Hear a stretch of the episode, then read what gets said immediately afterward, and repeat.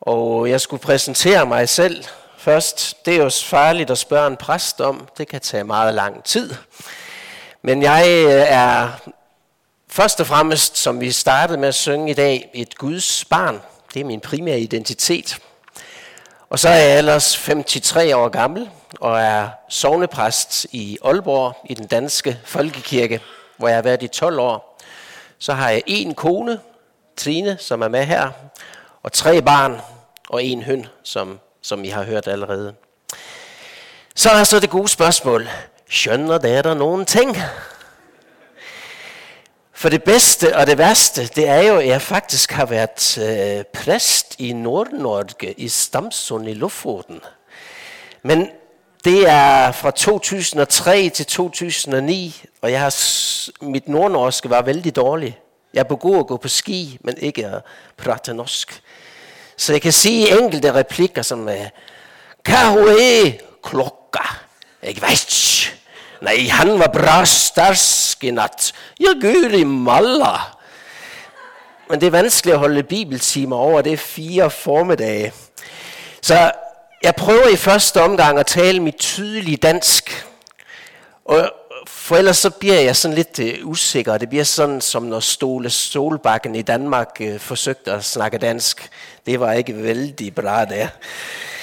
Øh, og så har jeg tænkt de, nogle af dagene at bruge øh, øh Trine som tekstlæser, fordi hun prater skikkelig nordnorsk og kan læse på norsk.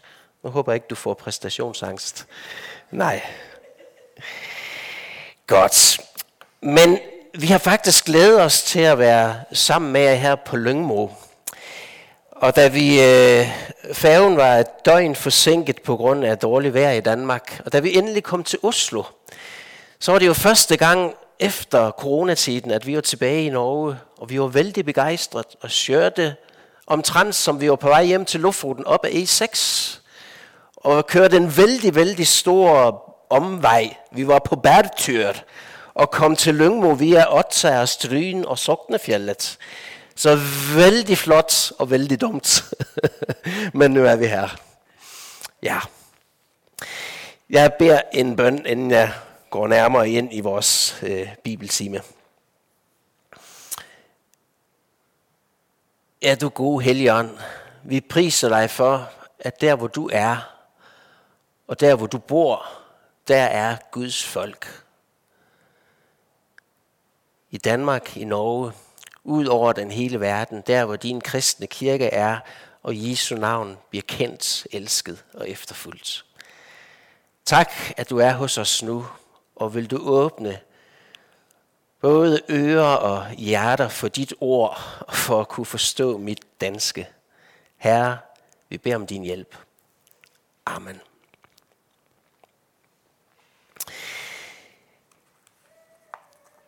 Alle de her fire formedage, som det er endt med nu, har jeg jo et hovedtema, der er at undervise om Helligånden, Helligånden, der både giver os syndserkendelsen, Jesusglæden, men Helligånden, der også giver os vægten, kraften, udrustningen til tjenesten.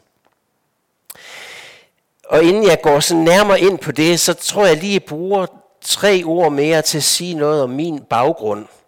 Fordi for jer er jeg jo en fremmed dansker. Det kan ikke være anderledes. Men jeg tror på mange måder, at vi kommer fra den samme åndelige tradition.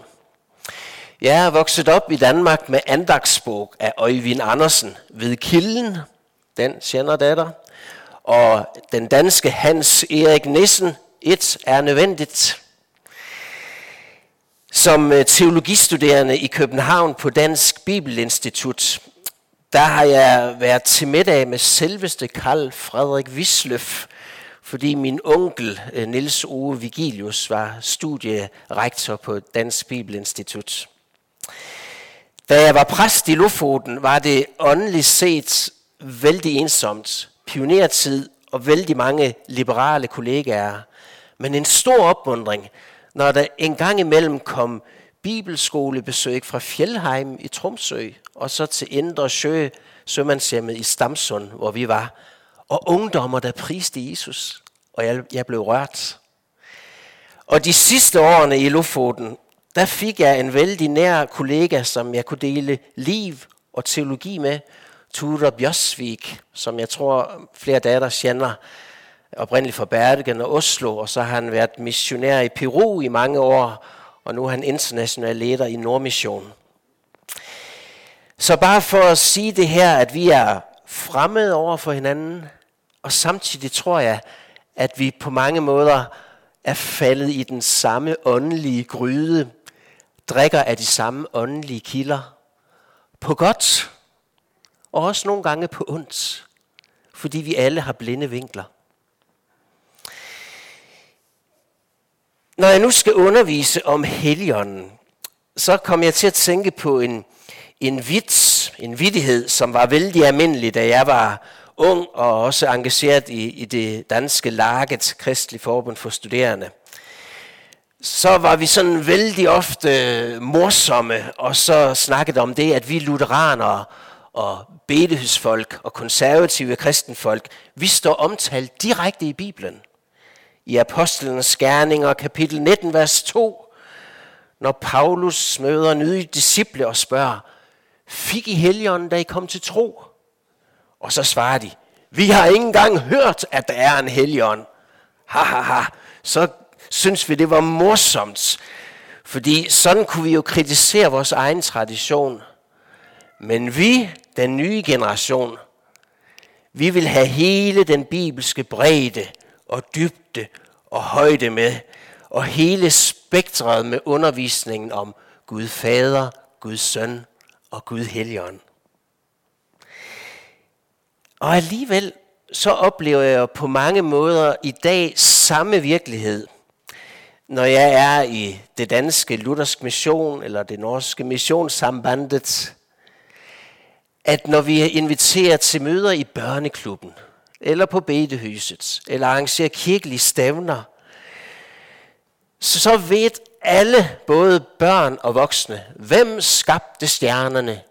Gud i himlen, Gud Fader. Et barn er født i Bethlehem. Hvem? Jesus barnet. Og om påsken ved vi alt. På Golgata stod der et kors. Men spørger vi barn og voksne om pinsen,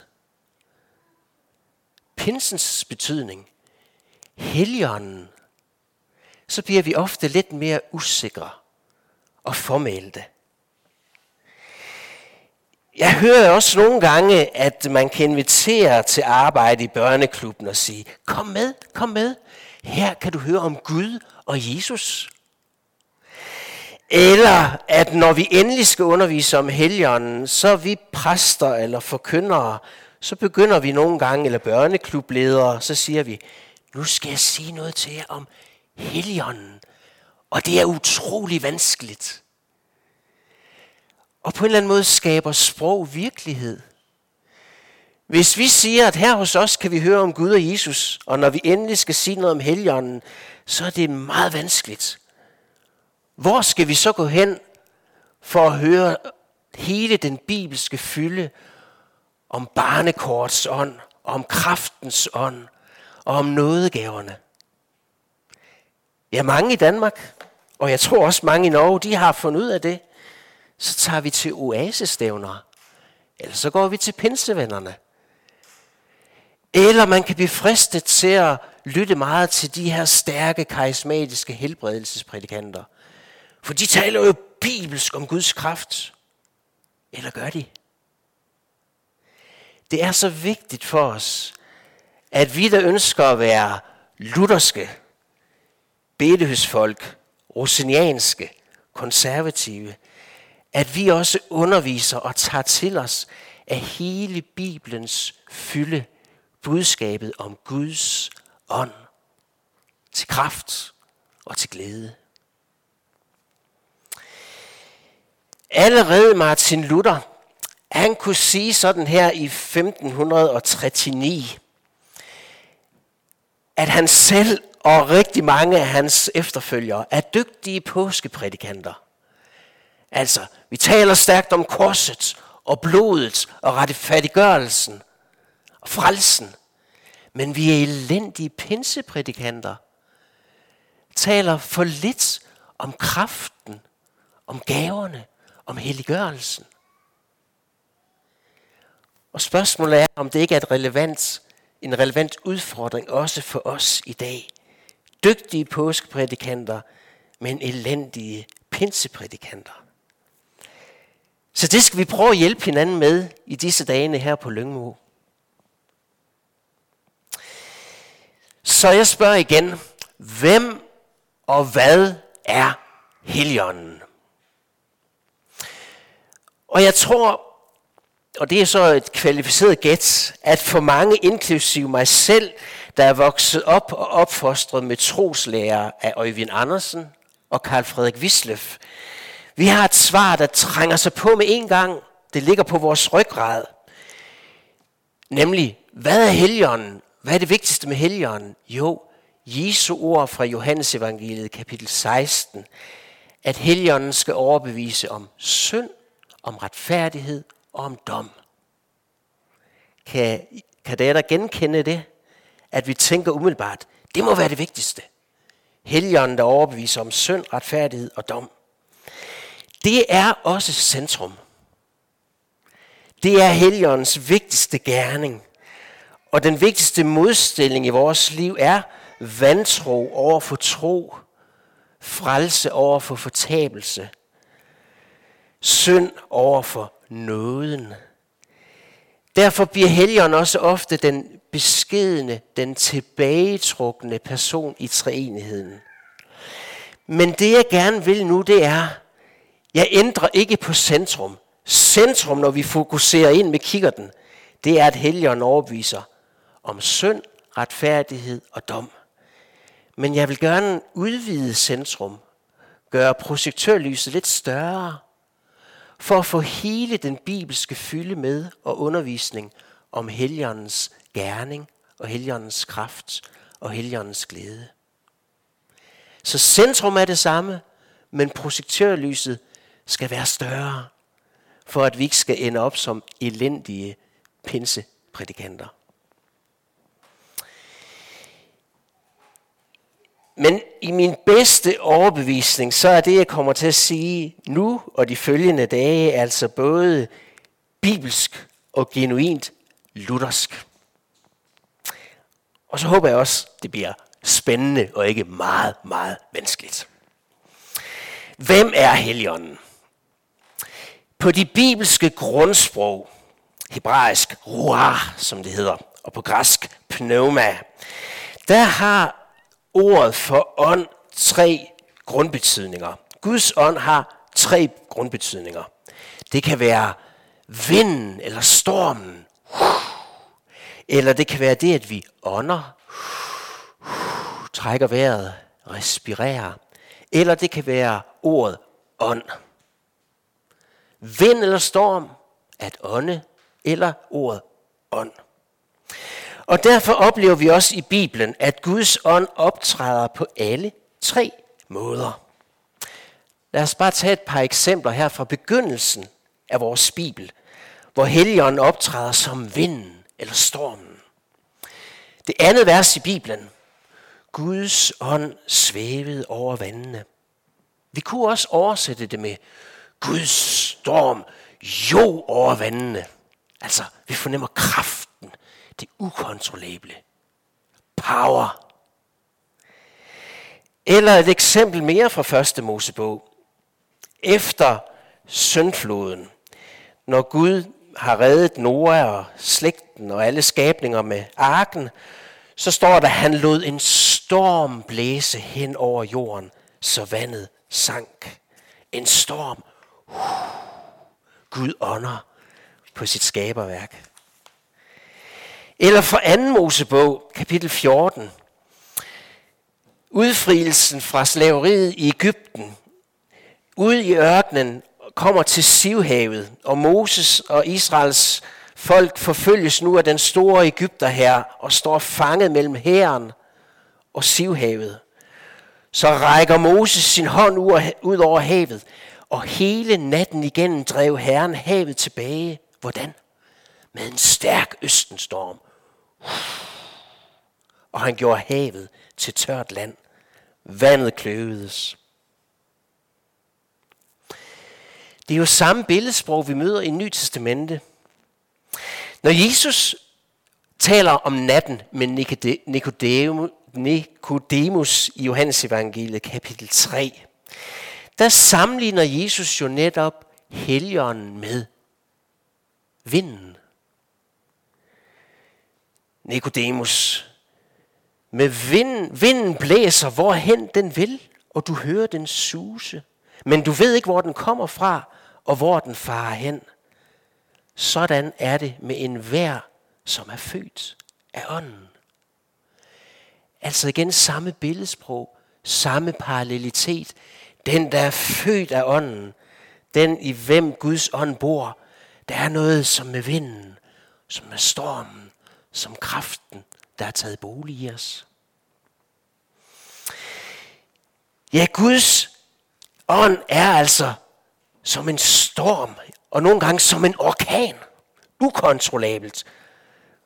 Mystisk. Jesus bruger, eller omtalen om Jesus har samme sprogbrug, når apostlen Paulus taler om, at på den sidste dag ved Jesu tilsynekomst i herlighed, når han tager det endelige opgør på Herrens dag med antikrist, så forklarer apostlen Paulus det sådan her i 2. Thessalonikerbrev. Ham, altså antikrist, skal Herren Jesus dræbe med sin munds ånde og til intet gøre, når han kommer synligt. Igen, Jesus ånder på ham. Jeg kan nogle gange tænke på billedet af Aslan, løven fra Narnia-serien. Når han brøler, eller han ånder helbredende. Sådan skal Jesus tage sit endelige opgør. For ånden, vinden, stormen, kraften har noget af det samme billedsprog. Vi kan også se i Gamle Testamente et fast mønster, at helt almindelige mennesker, som Gud udvælger, de får nu ved hans ånd en styrke, en kraft, en visdom, en særlig indsigt. Vi kan tænke på Josef, som ved Guds ånd kan tyde faraos drømme. Eller vi kan tænke på Abraham, på Jakob, på profeten Ezekiel og profeten Daniel. Både patriarkerne og profeterne får bestemte syner, og ved Guds hjælp så åbenbarer de hemmeligheder. Det kan sidde sådan her i Daniels bog, kapitel 4. Det er kong Nebuchadnezzar, det fantastiske navn Nebuchadnezzar. Han siger sådan til Daniel, jeg ved, at du har de hellige guders ånd i dig, og at ingen hemmelighed volder dig besvær. Eller vi kan tænke på kong Saul og forskellige af profeterne, som kommer i ekstase det kan virke mystisk fremmed på os. Men gennem ekstasen får dit budskab fra Gud.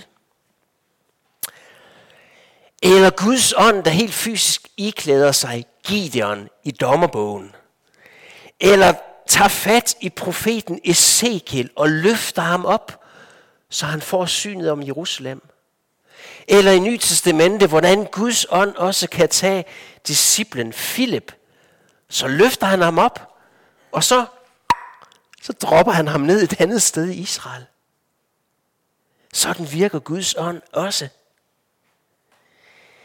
Det er rigtigt, at helgeren i Gamle Testamente også omtales som den stille, sagte, forsigtige susen. Og jeg tror nogle gange, at vi i vores fromhedstradition og i vores spiritualitet ofte ynder det eksempel, at ånden er den stille susen. Ja, det er rigtigt. Men ånden kan også være den ukontrollerbare kraft med magt og power og forandring i sig. Det er også Bibelens perspektiv. Og lad mig slutte det perspektiv med citatet her fra dommerbogen, og det har jeg allerede fået på, om Samson. At Herrens ånd griber Samson, og han rev løven midt over med de bare næver, som om det var et kid. Der er power i det. Så står der faktisk som Samson lige bagefter.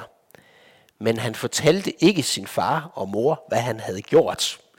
Det kan man måske godt forstå. Det var ikke så almindeligt, at en tenåring rev en løve midt over på det her tidspunkt heller. Hvis nogen af jeres ungdommer, tenåringer, river en løve midt over, så kommer de heller ikke hjem og fortæller det til datter. Jeg er sikker på det. Guds ånd er altså kraftsudrustning, visdomsudrustning. Og Guds ånd er skaberånden. Vi sang det umiddelbart før min undervisning. Kom Guds ånd med skaberkraft. Ånden, der blæser liv i Adams næsebor, så han bliver levende. Sådan sker skabelsen af det første menneske. Ånden, der altid fornyer, skaber liv, der fornyer jorden og alt levende. I salme 104 ser vi sådan her, at du, Gud, tager deres ånd bort, og de dør og bliver til jord igen. Du sender din ånd, og der skabes liv. Et hvert menneske, en hver dyr, en hver skabning, en hver plante har liv, fordi Gud sender sin livsånde. Men det helt særlige forhold, at Guds ånd kan tage bolig i et menneske. I Gamle Testamente var det kun særlige folk. Og i Nye Testamente er det også kun særlige folk, at Guds ånd tager bolig i. Men Guds livsånde har alle, både i Gamle og i Nye Testamente. I Gamle Testamente, der konkretiseres det her, at Guds helligånd bliver givet som en særlig salvelse eller lederudrustning. lederudrustning. Til hvem? Til kongen, til præsten og til profeten. De salves jo konkret med olie som indvielse til tjenesten, og der bliver helligånden udøst, udgydt over dem. Vi kender det aller tydeligst fra Davids salme 51, når han beder til, til Gud, tag ikke din helgen fra mig. Jeg har fået helligånden, men han kan tages fra mig. Ånden bliver altså i det gamle testamente, i den gamle paks tid, kun givet til enkelte mennesker og i enkeltstående situationer. Og jeg repeterer, til præsterne, til kongerne og til profeterne. Men vi møder allerede tidligt i Gamle Testamente også længslen og håbet.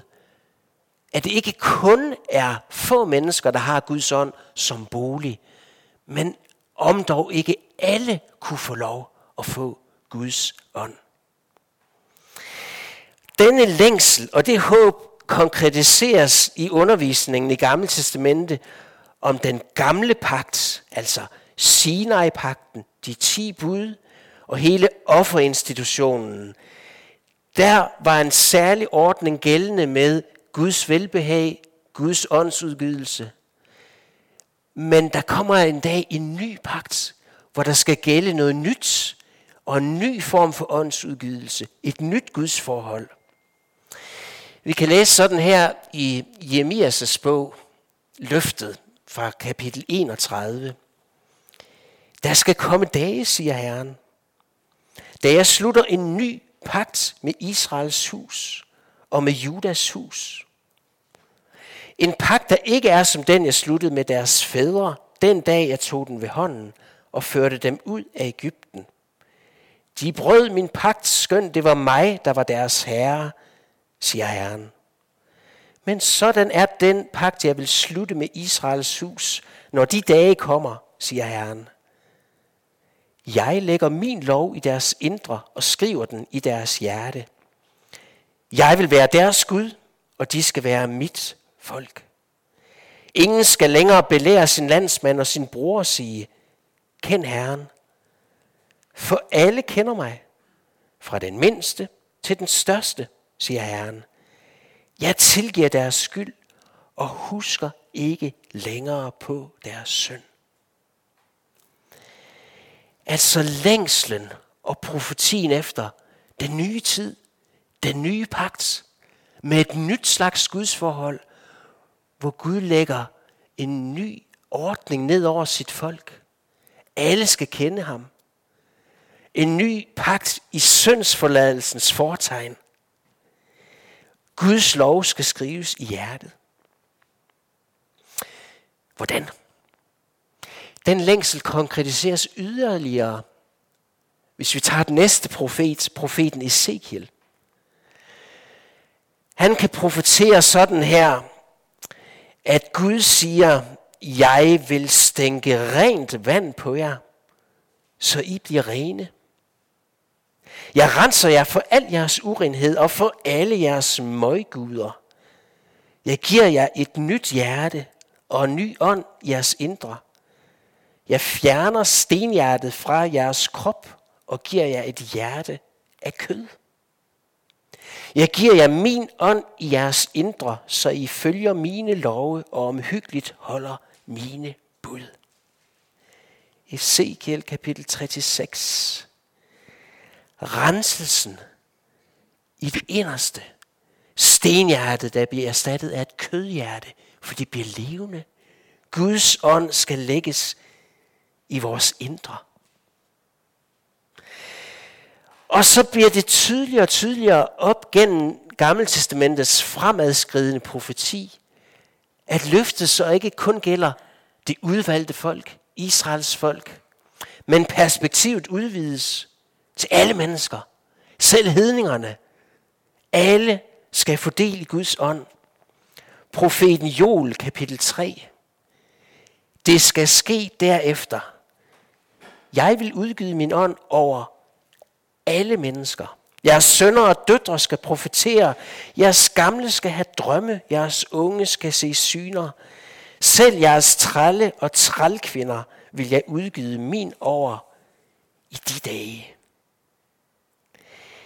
Se, vi kommer altså fra den forståelse og den åndelige virkelighed, at kun præster, konger og profeter har Guds ånd som bolig. Og så lyder løftet, det skal gælde alle. Hele Guds folk, selv hedningerne, og ikke bare de gamle og forstandige. Det er også unge, det er børn, det er mænd og kvinder, trælle og fri, jøder og nordmænd og danskere. Disse profetier sammenfatter jo hele Gammeltestamentets lære og lektie om Helligåndens funktion og gave – der kommer en dag, hvor vi får et nyt og intimt kendskab til Gud, til hans vilje, til hans lov.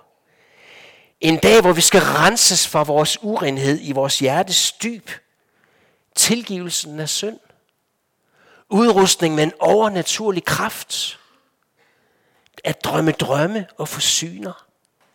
Og det skal gælde alle og som det udtrykkes så tydeligt til sidst der i Jols bog, kapitel 3, vers 5. En hver, der påkalder Herrens navn, skal frelses.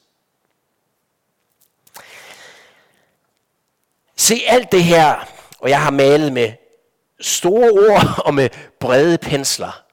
Men det er det fantastiske baggrundstæppe, vi har i det gamle testamente. Det er hele det, der går forud som et fantastisk smukt præludium. Og så kommer vi ind i Nyt Testamente og finder crescendo, klimaks, kulminationen. For nu opfyldes det på pinsedagen.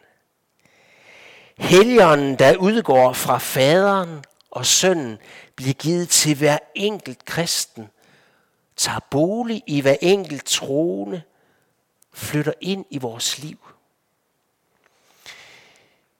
Pinsens nye virkelighed.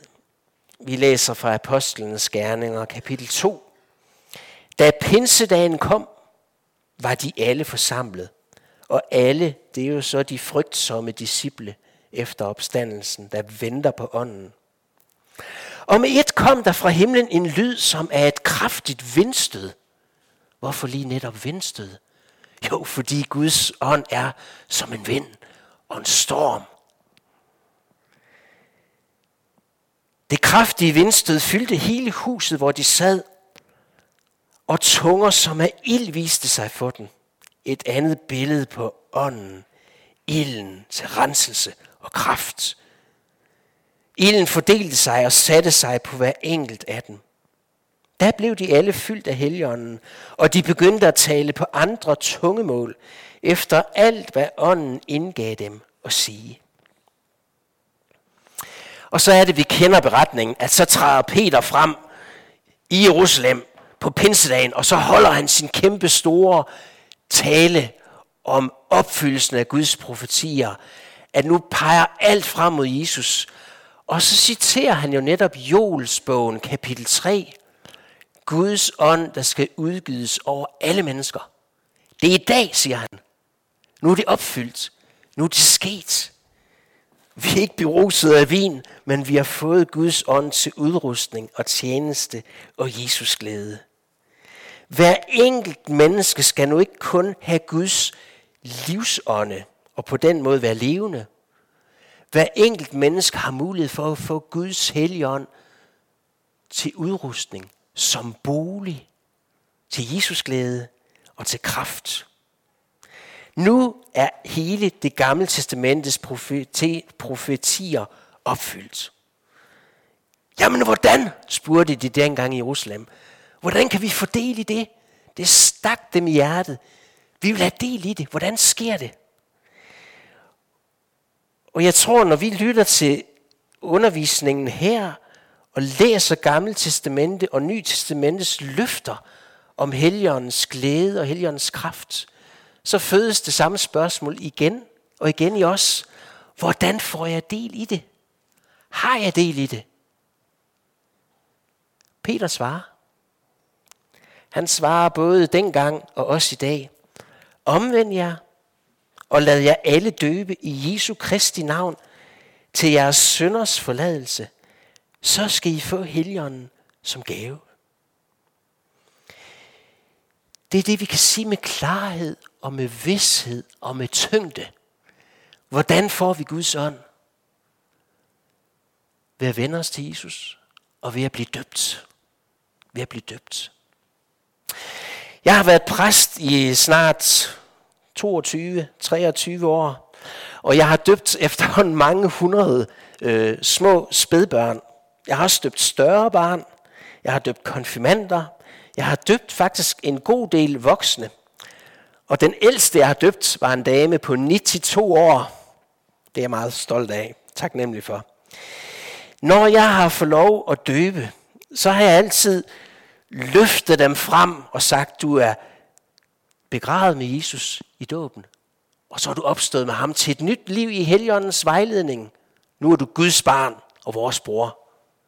Ej, jeg løftede ikke damen på 92 år op, det gjorde jeg ikke helt. Men forsøgte at lave samme virkelighed. Har jeg så hver gang, hundredvis af gange, set Guds ånd komme ned til kraft og power med sådan en Steven Spielberg-effekt? Nej, det har jeg ikke. Jeg har få gange set en tydelig rørelse og en tydelig forandring og en tydelig glæde, eller nogen bliver vældig rørt. Men de fleste gange ser jeg jo ikke noget synligt. Er ånden så ikke givet? Er heligånden ikke taget bolig i mennesket? Skal vi døbes igen? Skal vi omvendes forfra?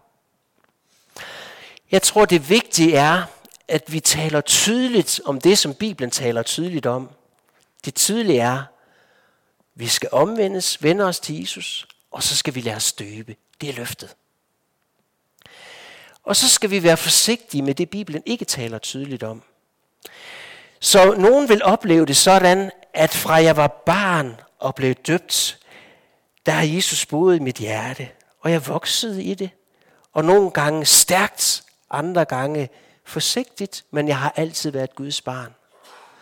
Andre vil opleve, at de er døbt som barn eller unge, og så faldt vi fra troen. Vi levede ikke som kristne. Men ved et forkyndelse, eller ved vidnesbyrd, eller det bestanset af lidelse i livet, så var det som om Guds ord rørte ved os, og troen blev født igen. Der er dåben stadigvæk gyldig. Den er stadigvæk intakt. Vi skal ikke døbes igen. Men vi får først virkning af dåben. Vi får først glæde af dåben, når vi er knyttet til Jesus, når vi tror på ham. For den bibelske klarhed siger altid, ved dåb og ved tro, der har vi Guds ånd. Der er vi frelste. Der er vi Guds børn. Derfor må vi igen og igen lade os fylde af ånden. Derfor må vi igen og igen lytte til Guds ords forkyndelse. Derfor må vi læse i vores Bibel. Derfor må vi deltage i den hellige nadver. For igen og igen at vende os om til Jesus. Så er løftet, vi har fået Helligånden som gave.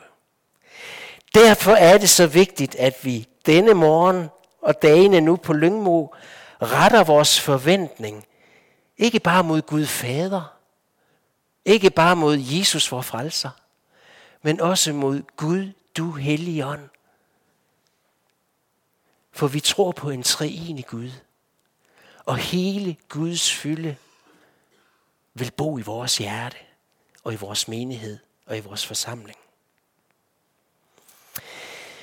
Lad mig så slutte med følgende. Paulus spørger jo sådan her i 1. Korintherbrev, kapitel 3. Ved I ikke, at I er Guds tempel, og at Guds ånd bor i jer? Guds kirke, Guds tempel. Det er ikke en fysisk bygning.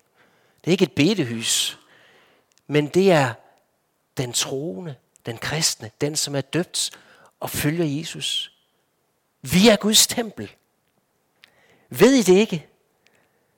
Ved I ikke, at I er Guds tempel, og når I er det, så bor Guds ånd i jer. Guds ånd, som er fra evighed, han bor i os. Det er et mystisk, guddommeligt under. Og det er et værn mod den ensomhed, som hver eneste af os bærer på. For Guds ånd er mere intimt nær os. Guds ånd kender mig mere intimt end min ægtefælle, eller en forældre, eller et barn, eller en søsken kan gøre. Guds ånd bor meget stærkere og intimt her i mit bryst, end han kan bo i nogen menighedsforsamling.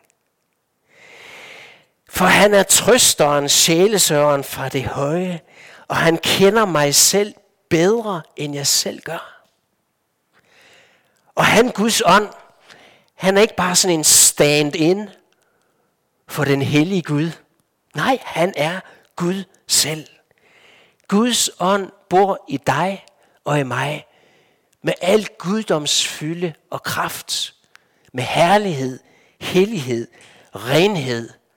Han bor ved vores hjerte, en åndens fylde, midt i vores syndighed, midt i vores svaghed. Hvem er han? Ja, han er en person. Han er en han. Han er som stormen og orkanen, og han er som den stille susen. Han er sandhedens ånd. Han er ekstasens ånd. Han er trøstens ånd. Han er miraklets ånd. Han er Jesus glædens ånd. Helligånden er kraft, kærligheds og besindighedsånd. Han er barnekorts ånd. Han er helligånden. Han er Gud. Ja, sandhedsånd. Forvis os på, at også vi er af Gud Faders små. Der er sorgen slukket. Paradis oplukket. Døden overvundet. Herre, hør vor bøn. Vi beder.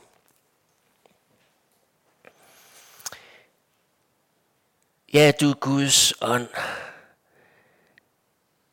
Du som er hellig og kraftfuld og ren. Du som bringer Jesus med dig. Kom, kom Guds ånd. Bo i os nu. Bo i os her på Lyngmo. Bo i os alle dage og nætter. Midt i vores tvivl og urenhed eller angst. Kom Guds ånd, og lad vores hjerte være tempel for dig. I faderens og søndens og helligåndens navn. Amen.